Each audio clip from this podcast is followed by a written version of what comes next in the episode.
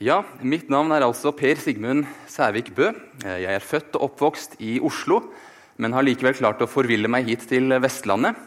Og eh, jeg har det veldig godt her i Bergen.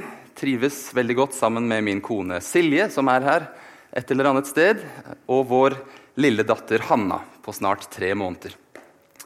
Og Hanna fikk vi lov til å være med og bære til dåpen her i Salem for ca. en måned siden, og det var veldig kjekt.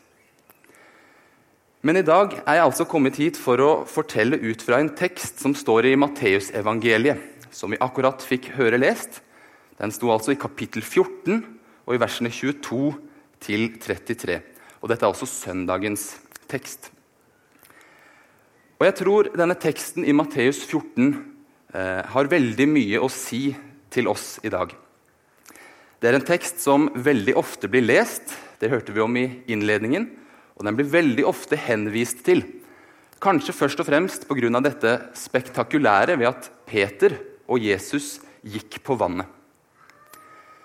Men det er faktisk ikke Peter som er hovedpersonen i denne teksten. Det vil jeg få minne om eh, her i dag. For hovedpersonen i denne teksten er, som i resten av Bibelen, Jesus selv. Men jeg skal komme litt tilbake til Peter mot slutten av eh, denne andakten. Fordi det er bl.a.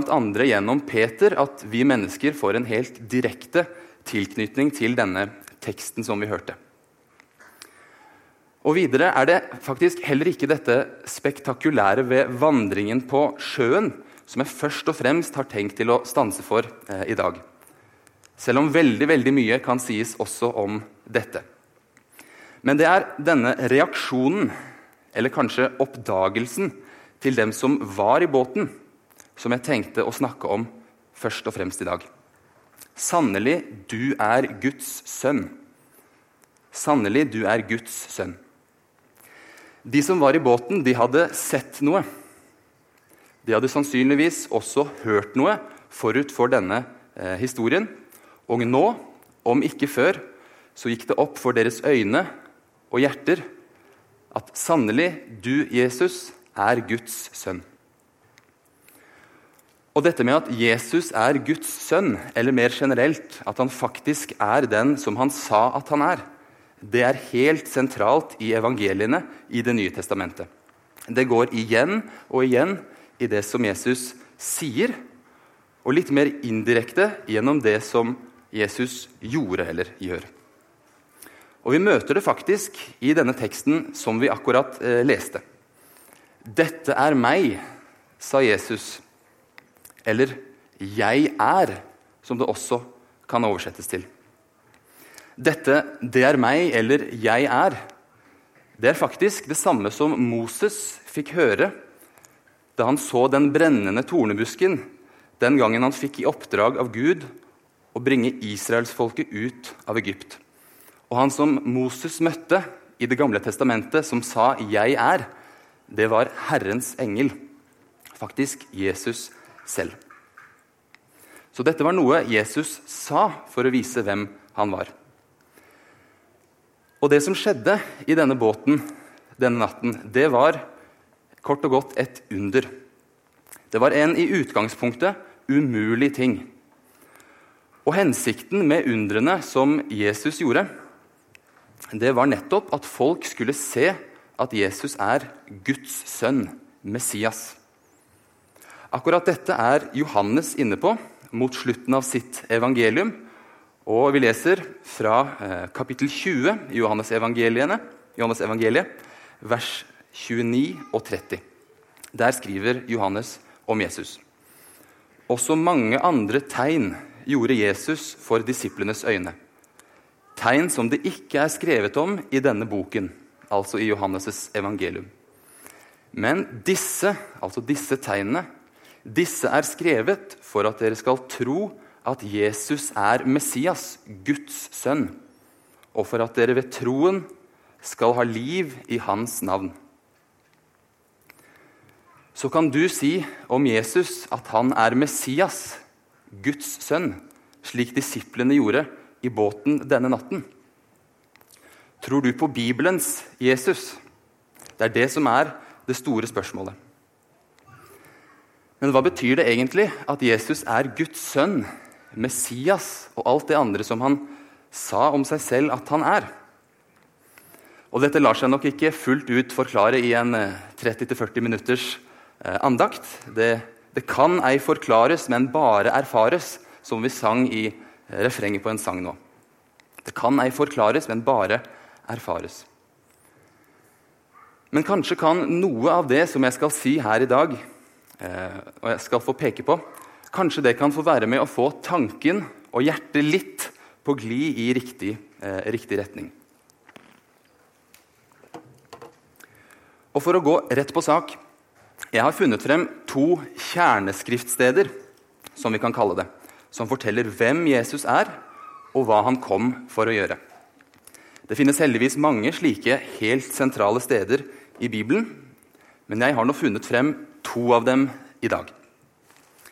Det ene, og jeg tror vi skal få det opp på storskjermen, det står i 1. Johannes' brev, kapittel 4. Og Denne teksten står som alle andre bibeltekster i en sammenheng. Og I begynnelsen av dette kapittelet vil Johannes understreke for leserne, og deriblant for oss, at vi ikke skal tro enhver ånd Altså at vi ikke skal ta alt vi hører om Jesus, for god fisk.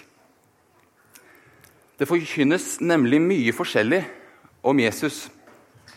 Men det er Bibelens Jesus som vi skal forkynne. Den Jesus som vi leser om i evangeliene, og han som vi leser om i brevene, apostlenes gjerninger og Johannes' åpenbaring. Det er den Jesus vi skal forkynne om. Den som taler, skal se til at han taler som Guds ord, sier Peter i 1. Peters brev, kapittel 4. Så la oss lese det som Johannes skriver her om hvem Jesus er. 1. Johannes 4, 1-2. Mine kjære, tro ikke enhver ånd, men prøv åndene om de er av Gud. For mange falske profeter er gått ut i verden. På dette skal dere kjenne Guds ånd. Vær den som bekjenner at Jesus er Kristus, kommet i kjød, er av Gud. Vær den som bekjenner at Jesus er Kristus, kommet i kjød, er av Gud. Og I forbindelse med dette Jesus er Kristus, så trengs det kanskje en liten språklig opplysning. Jesus det er nemlig personnavnet. Personnavnet Jesus. Altså navnet på han som Bibelen forteller om. Født av Maria og med Gud til far. Det, var, det er Jesus. Men Kristus, det er derimot tittelen. Det er tittelen. Og det betyr 'den salvede'. Så Kristus betyr 'den salvede'. Og på denne tiden så visste folk som hadde litt kjennskap til Det gamle testamentet, hvem det var som ble kalt for 'den salvede', og hvem som var salvet i Det gamle testamentet. Altså hvem det var i Det gamle testamentet som fikk salve helt over hodet som, av, som en del av et ritual. Og det var for det første yppersteprestene. De ble salvet. Og dernest var det kongene. Og til slutt var det profetene. Selv om profetene ikke alltid fikk fysisk salve helt på hodet, så ble de billedlig talt salvet av Den hellige ånd, og på den måten innviet til tjeneste.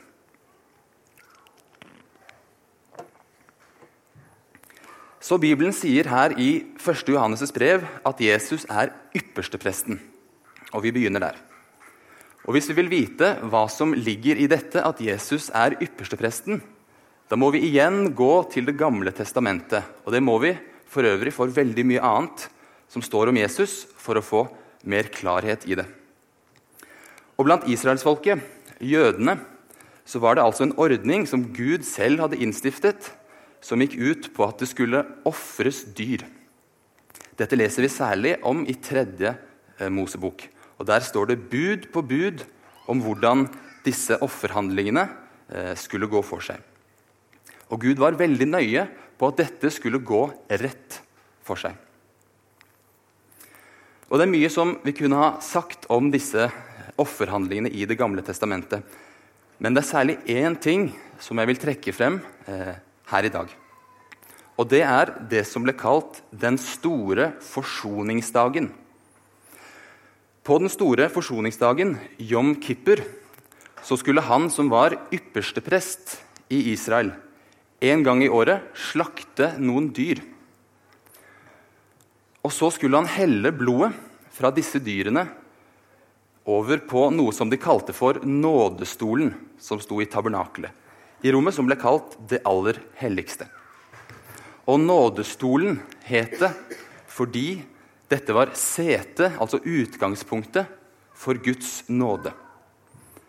Og under denne nådestolen, som de kalte det, der lå steintavlene med de ti bud som Moses hadde fått av Gud. Så kort sagt så dekket blodet over kravene og budene som Gud hadde til mennesket. De budene og kravene som ingen menneske har klart å overholde. Og Vi leser i Hebreerbrevet i Det nye testamentet om at denne slaktingen av disse dyrene hadde en hensikt. Om hensikten med disse ofrene leser vi i Hebreerne 10, vers 3, at ved ofrene kommer det hvert år en påminnelse om synder. Ved ofrene kommer det hvert år en påminnelse om synder. Disse offerpraksisene skulle minne israelsfolket om at deres synder trenger en straff. Og det er Bibelen veldig klar på. Og dette at noen uskyldige dyr på denne måten skulle ofres som straff for israelsfolkets synder, det peker frem mot Jesus. Og det var ypperstepresten i det gamle Israel som stelte i stand dette offeret.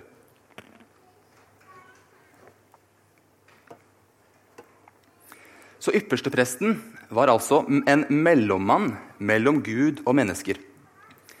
En som sier til Guds krav og bud synden er allerede sonet.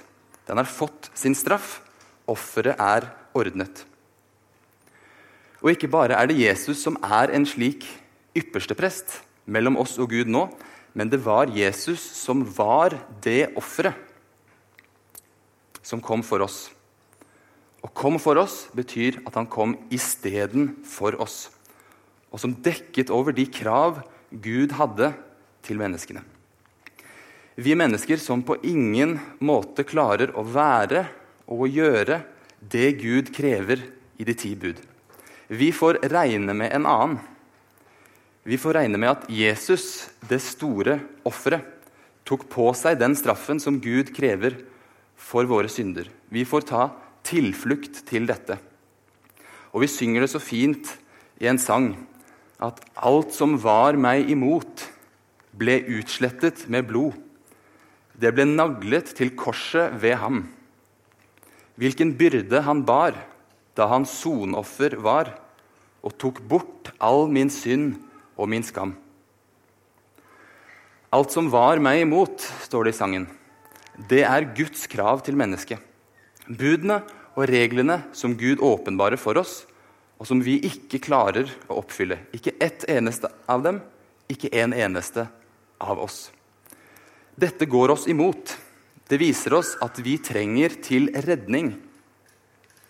Men dette som var meg imot, det ble utslettet, dekket over ved blod. Fordi det ble naglet til korset ved Jesus. Han var sonofferet. Jesus var sonofferet, og på samme måte som ypperstepresten tok med seg offeret inn i det aller helligste, der Gud var, på samme måte har Jesus dratt opp til himmelen og sitter ved Gud Faderens høyre hånd, som vi sier i trosbekjennelsen. Han, Jesus, er vår talsmann for Gud, en som taler vår sak. Han har sonet vår synd, og derfor kan vi med frimodighet stå for Gud på dommens dag. Fordi Jesus skjuler oss. Den dommen som lå på oss alle, har Jesus tatt på seg. Ypperstepresten, mellommannen og selve, selve offeret. Ved siden av yppersteprestene var kongen i det gamle Israel en av de som ble salvet, og som gjerne ble kalt Herrens salvede i Det gamle testamentet. Og Jesus er også kongen. Han er kongenes konge, herrenes herre. Og En konge kjennetegnes kanskje først og fremst på at han har makt. Han er allmektig. Og Jesus var nettopp det allmektig.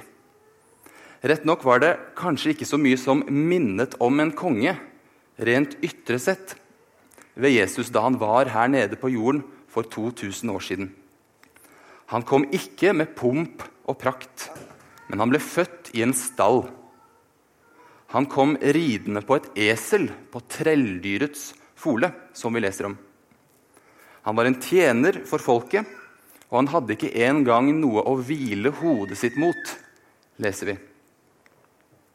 Han ble hatet for det han sa, og for den han sa han var. Han ble dømt til døden av vanlige mennesker og spikret til et kors. Ytre sett ikke mye til konge, kan en gjerne tenke. Og Like fullt var han kongen i bestemt form entall. Han var den som har all makt, og han skal en gang komme igjen, leser vi i Bibelen. Og da skal vi få se ham i hans allmakt, virkelig som en konge. Han skal komme med kraft og stor herlighet, leser vi senere i Matteusevangeliet. Kanskje kommer kongen, heter det i en kjent barnesang av Knutsen og Ludvigsen. Kanskje kommer kongen. Vel, det er ikke noe 'kanskje' i forbindelse med at kongenes konge kommer tilbake til jorden.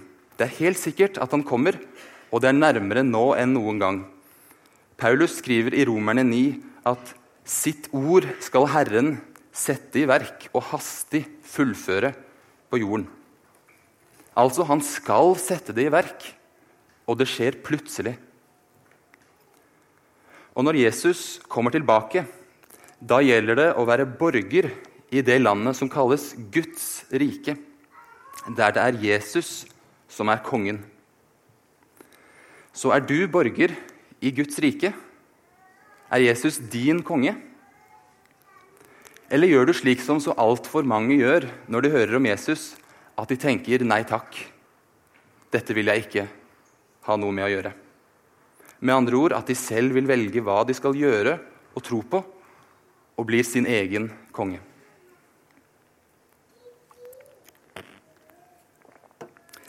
På lang sikt bærer det galt av sted dersom du selv vil være din egen konge.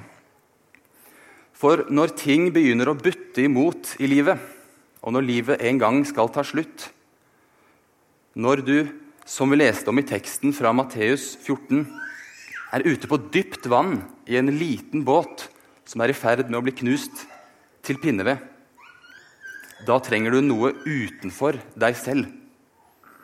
Da trenger du noe bunnsolid å kaste ankeret på. Det nytter lite å kaste ankeret opp på eget dekk i den båten som du selv sitter i. Da flyter du bare av gårde. Du trenger noe som er bunnsolid. Du trenger en som har makt til å frelse. En som er mektig til å stilne stormene. Når stormen raser, da skjønner vi hvor små vi mennesker er, og hvor lite vi i grunnen makter i egen kraft. Igjen, når Bibelen åpenbarer for oss Guds bud og Guds krav, og vi innser at vi ikke har holdt et eneste ett av dem, da blir vi små i oss selv. Da blir vi små. Da må vi svare som Jobb gjorde i Det gamle testamentet. I Jobb 9, vers 3, sier Jobb om et menneske hadde lyst til å gå i rette med Gud, altså hvis et menneske skulle begynne å forsvare seg selv i en rettssak der Gud er både dommer og aktor Om et menneske hadde lyst til å gå i rette med Gud, så kunne han ikke svare Gud ett av tusen. Han kunne ikke svare Gud ett av tusen. Og hva gjør vi da, når vi ikke har noe vi kan si? Jo, da må du gjøre som Jobb fortsatte å si i vers 15 står det om Jobb at han sa, Jeg må be min dommer om nåde. Jeg må be min dommer om nåde.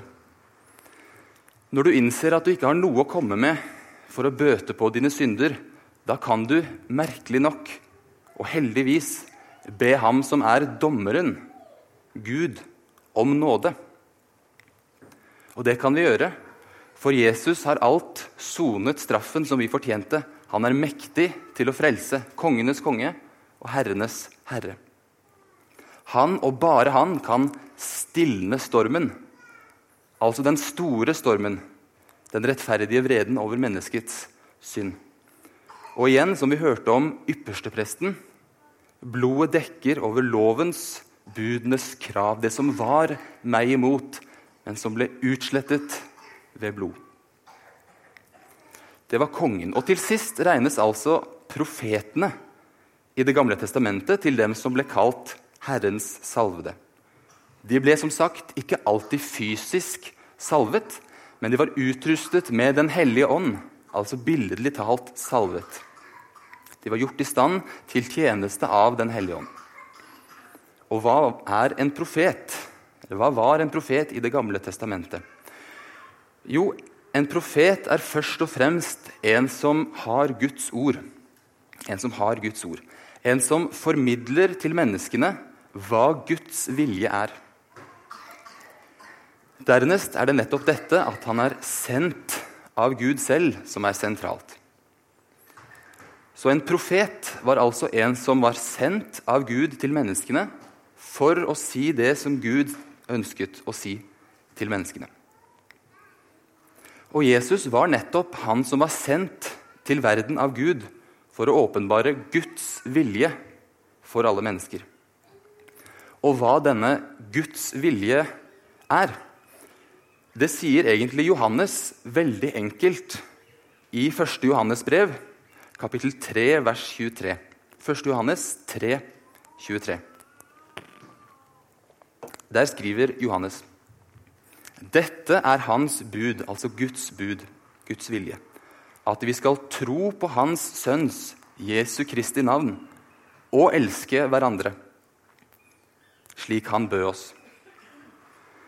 Eller som den samme Johannes sier i evangeliet han skrev, i kapittel 6, vers 28-29. Johannes 6, 28-29. Her var det noen som spurte Jesus hva skal vi så gjøre for å gjøre Guds gjerninger?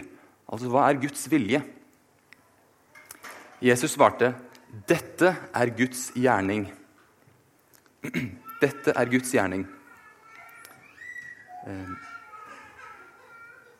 ja, dette er hans vilje som har sendt meg, at jeg ikke skal miste noe av det han har gitt meg, men oppreise det på den siste dag. For dette er min fars vilje, at hver den som ser Sønnen og tror ham, skal ha evig liv. Dette sto i Johannes 39 40. Så hoppet jeg over det som jeg skulle lese. Hva skal vi så gjøre for å gjøre Guds gjerninger? spurte de. Og Jesus svarte, Dette er Guds gjerning, at dere skal tro på ham som han, altså Gud, har sendt. At dere skal tro på Han som Gud har sendt. Og det er mye Gud vil at vi kristne skal gjøre. Les de ti bud, les bergprekenen, les Paulus sine formaninger, for å nevne noe. Da har du kalenderen full for et helt liv, og vel så det, om du lurer på hva Gud vil at vi skal gjøre, vi kristne, her på jorden. Men selve Guds vilje, vilje med stor V, det ene som du absolutt ikke må unngå her på jorden, det er dette ene som Johannes fortalte om. Tro på Jesus, han som Gud sendte. Slik som profetene i Israel var sendt av Gud for å bringe Guds ord til folket. På samme måte er Jesus Kristus, den salvede, sendt til oss for å bringe Guds ord, altså faktisk seg selv, til menneskeheten. Jesus Kristus, den salvede.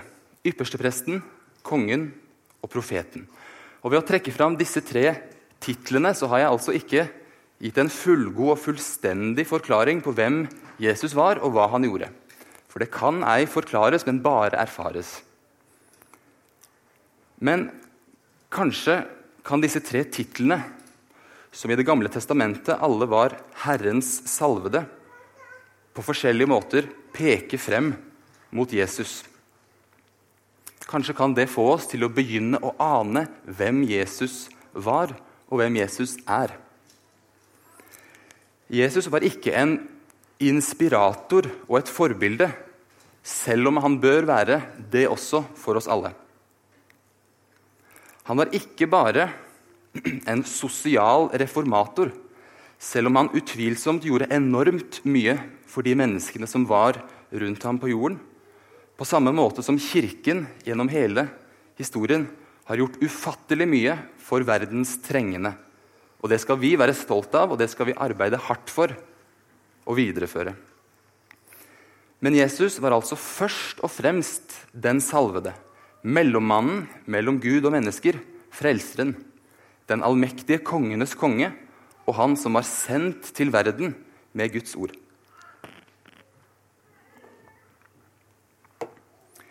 Jesus er altså både ypperstepresten, kongen og profeten. Men en ypperste prest er jo for et folk som trenger soning for synder. Og en konge er jo kongen for et folk. Og en profet kommer jo med Guds ord til noen. Jesus vil være yppersteprest, konge og profet for noen. Og ikke bare for noen, men for alle. Men for hvem kan han være alt dette? Jo, kort og godt for dem som innser at de trenger ham. De som innser at de trenger en ypperste prest, en som kan sone deres synder, eller faktisk en som har sonet deres synder. En konge for de som vet med seg selv at dersom de selv gjør det de vil i livet, så bærer det galt av sted. De trenger en som kan lede dem inn på livets vei. En profet, en som kan tale for dem Guds ord så de kan høre hva som er Guds vilje. Og I Lukas 4, vers 17-19, så finner vi det som mange omtaler som Jesus sin programtale. Altså noe som oppsummerer det mest sentrale ved det han kom for å gjøre, og som han sa nokså på begynnelsen av sitt, sitt offentlige virke, altså de tre siste årene cirka, av sitt liv. Og Dette er den andre teksten av de to kjerneskriftstedene som jeg tenkte å trekke særlig fram i dag. Og Vi leser fra eh, Lukas 4, fra vers 16 og utover. Og Vi får det opp på storskjerm. Og han kom til Nasaret, hvor han var oppfostret. Etter sin sedvane gikk han på sabbatsdagen inn i synagogen, og han sto opp for å lese for dem. De ga ham da profeten Jesajas bok. Og da han hadde åpnet boken, fant han stedet der det står skrevet:" Herrens ånd er over meg, for han har salvet meg. Og der finner vi det igjen. Herrens salvede. Han har salvet meg til å forkynne evangeliet for fattige. Han har sendt meg, og der har vi det igjen, den som Gud har sendt. Han har sendt meg for å forkynne for fanger at de skal få sin frihet. For blinde at de skal få syn, for å sette undertrykte fri, for å forkynne et nådens år fra Herren. Så hvordan er da disse menneskene som Jesus snakker om her, som han er kommet for å frelse? Og For å få et svar på dette så må vi vite at akkurat det Jesus sier her, først og fremst, først og fremst er å forstå billedlig. Og jeg sier først og fremst, og ikke kun, men først og fremst fordi vi som er kristne, i aller høyeste grad er kalt til å hjelpe fattige. Til å sette undertrykte fri. Altså, som, altså ta deres sak, som er undertrykte. Kanskje er vi ikke kalt til å frigi alle verdens fanger, men særlig de troende brødre og søstre rundt omkring i verden som sitter i fengsel og lider for sin tro, dem er vi kalt til å be for, støtte og arbeide for. Men først og fremst altså, er det Jesus sier her, å forstå billedlig. Jesus kom for de fattige. De fattige. De som vet med seg selv at de ikke kan betale for seg, men som trenger en løsepenge. Jesus kom for fanger, mennesker som innser at de er i lenker pga. synden, og som trenger en som bryter lenker og løser trellers bånd, som vi synger i en kjent sang. Blinde de som ikke selv kan finne veien, men som trenger en som leder dem til målet. De som trenger å få sine åndelige øyne lukket opp og festet blikket på Jesus. Undertrykte, de som ikke kan gjøre det som de egentlig var skapt til å gjøre.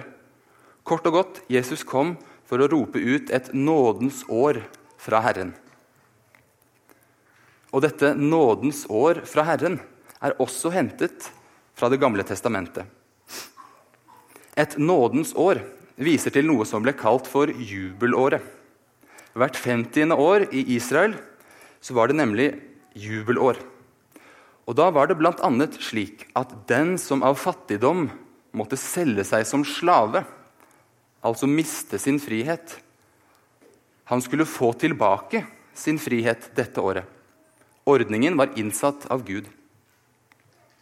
Og Dette året var det også gunstige ordninger for dem som var for fattige, til å kjøpe tilbake jord som de hadde mistet. Et nådens år for fanger og for fattige. Jesus kom med et budskap om nåde for de som ser at de trenger det. Slike mennesker var det Jesus kom for å frelse. Ekte syndere. Røvere på korset. Tollere altså landssvikere i tollboden. Men også fromme nikodemuser, også fromme mennesker. De trenger frelse akkurat på samme måte som disse andre. For jeg skal si deg det at Jesus måtte bøye seg akkurat like langt ned i søla for å frelse oss fromme mennesker som alltid har kalt oss kristne som han måtte for å frelse røveren på korset, Sakkeus, tolleren i tollboden, og kvinnen ved Sykars brønn, for å nevne noen. Vi og de var akkurat like fortapte i Guds øyne, men også akkurat like dyrebare i Guds øyne, slik at han valgte å sende sin egen sønn, Jesus, til jorden for å frelse dem og for å frelse oss.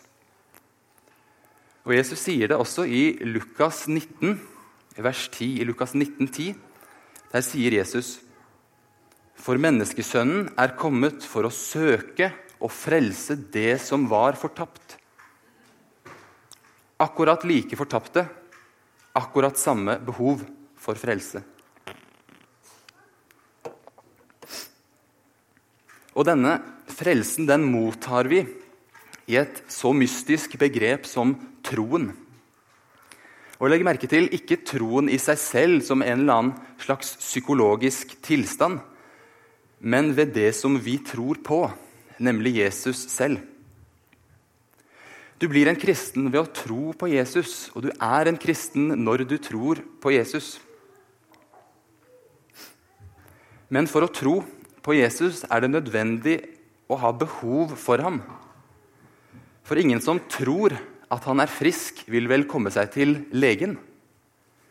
Og ingen som tror at de har dekning på kontoen, vil vel spørre om å få det som de har behov for. Det handler om å ta tilflukt til Jesus og søke dit som vern mot Guds dom over synden. For Jesus har sonet verdens synder, og også mine og dine synder. Og her kommer vi til Peter. Til Peter i teksten. Når du som Peter innser at du er i ferd med å synke og gå under, da innser du at alt håp er ute for deg. Og Legg merke til det som det sto i teksten, at det var Jesus som sa til Peter 'kom'. Altså 'kom hit på havet hvor jeg er, midt i alle bølgene'. På samme måte sto det også i teksten at Det var Jesus som nødde disiplene til å gå i båten og dra i forveien for ham over til den andre siden. Så visste ikke Jesus at det kom til å bli en storm? Visste ikke Jesus at disiplene ville bli slått av skrekk og skrike av redsel? Og tro at han var et spøkelse da han kom gående på vannet? Jeg tror han visste det også. Og ante Jesus at Peter kom til å synke når han begynte å gå ut mot Jesus på vannet? Jo, jeg tror Jesus visste det også. Så driver Jesus og narrer og plager dem som han elsker, på denne måten. Nei, det er ikke det han gjør. Men det er som om han vil understreke gang på gang at uten meg kan dere ikke gjøre noen ting, som Jesus sa ved en annen anledning i Johannes 15. leser vi om det. Jesus vil nemlig vise for oss at vi trenger ham. Og da er det helt sentralt å vise, vite at Jesus, han som du skal tro på, han holder. At Jesus er mektig til å frelse.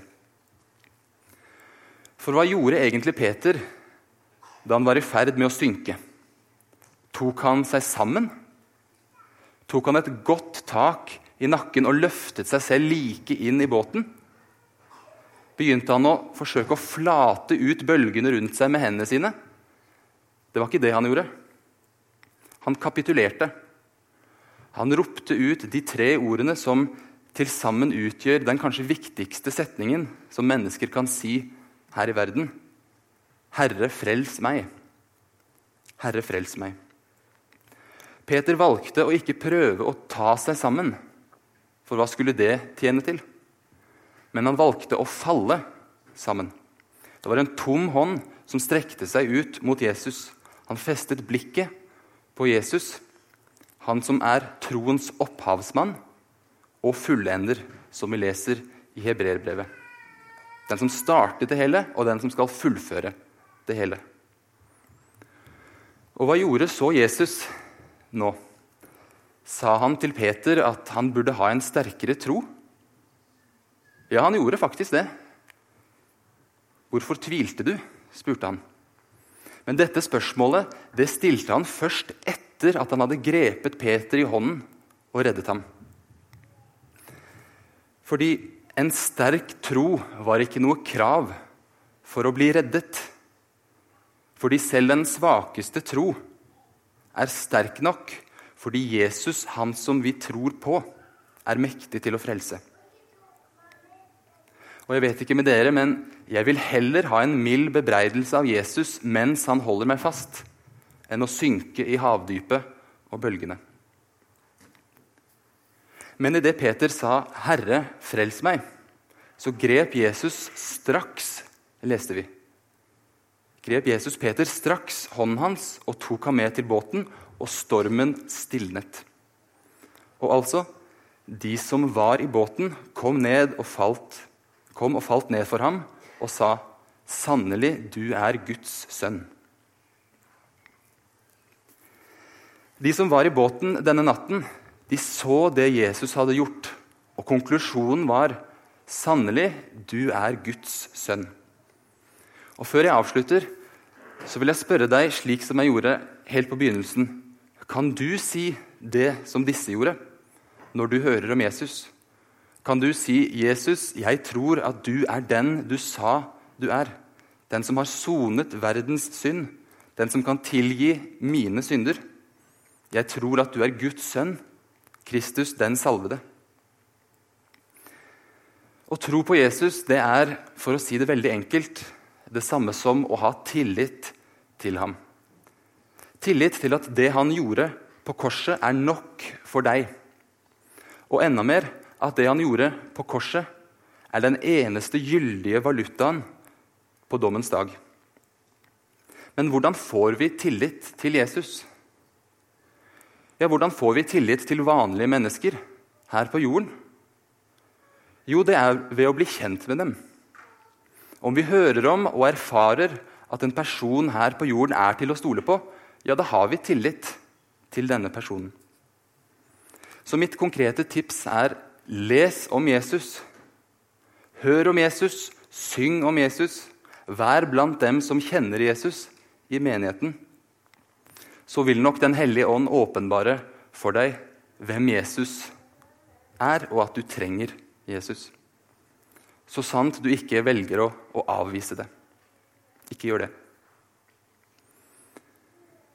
Og er du allerede en kristen, som jeg håper at veldig mange er her i dag, så vil du nok erfare at det er Jesus som ikke bare har frelst deg én gang, men at det er han som leder deg gjennom livet og like inn i himmelen når den dagen en gang kommer. Men har blikket festet på Jesus, han som er troens opphavsmann og fullender, som vi leste i Hebreerne 12. Men det er så mye her i verden som vil komme mellom mennesker og Jesus. Tvil, synd, ytre vanskeligheter. Og når nå en gang verden er som den er, og vi mennesker også er som vi er, så syns jeg det er ufattelig godt å vite at Jesus er der og redder oss når vi er i ferd med å gå under. Spør noen som har vært kristne en god stund så vil du nok få et og annet vitnesbyrd om at Jesus var der da de som mest trengte det. Det er ikke sikkert at han vil lede deg utenom problemene her i verden. Det har vi ingen garanti for. Men Bibelen sier at han er med sine barn. Han er der, og han er mer enn villig til å redde på ny og på ny den som er i ferd med å falle. Og det er samme person som holder deg oppe gjennom livet, som frelste deg første gang. Og det er Guds sønn, Jesus Kristus. Amen.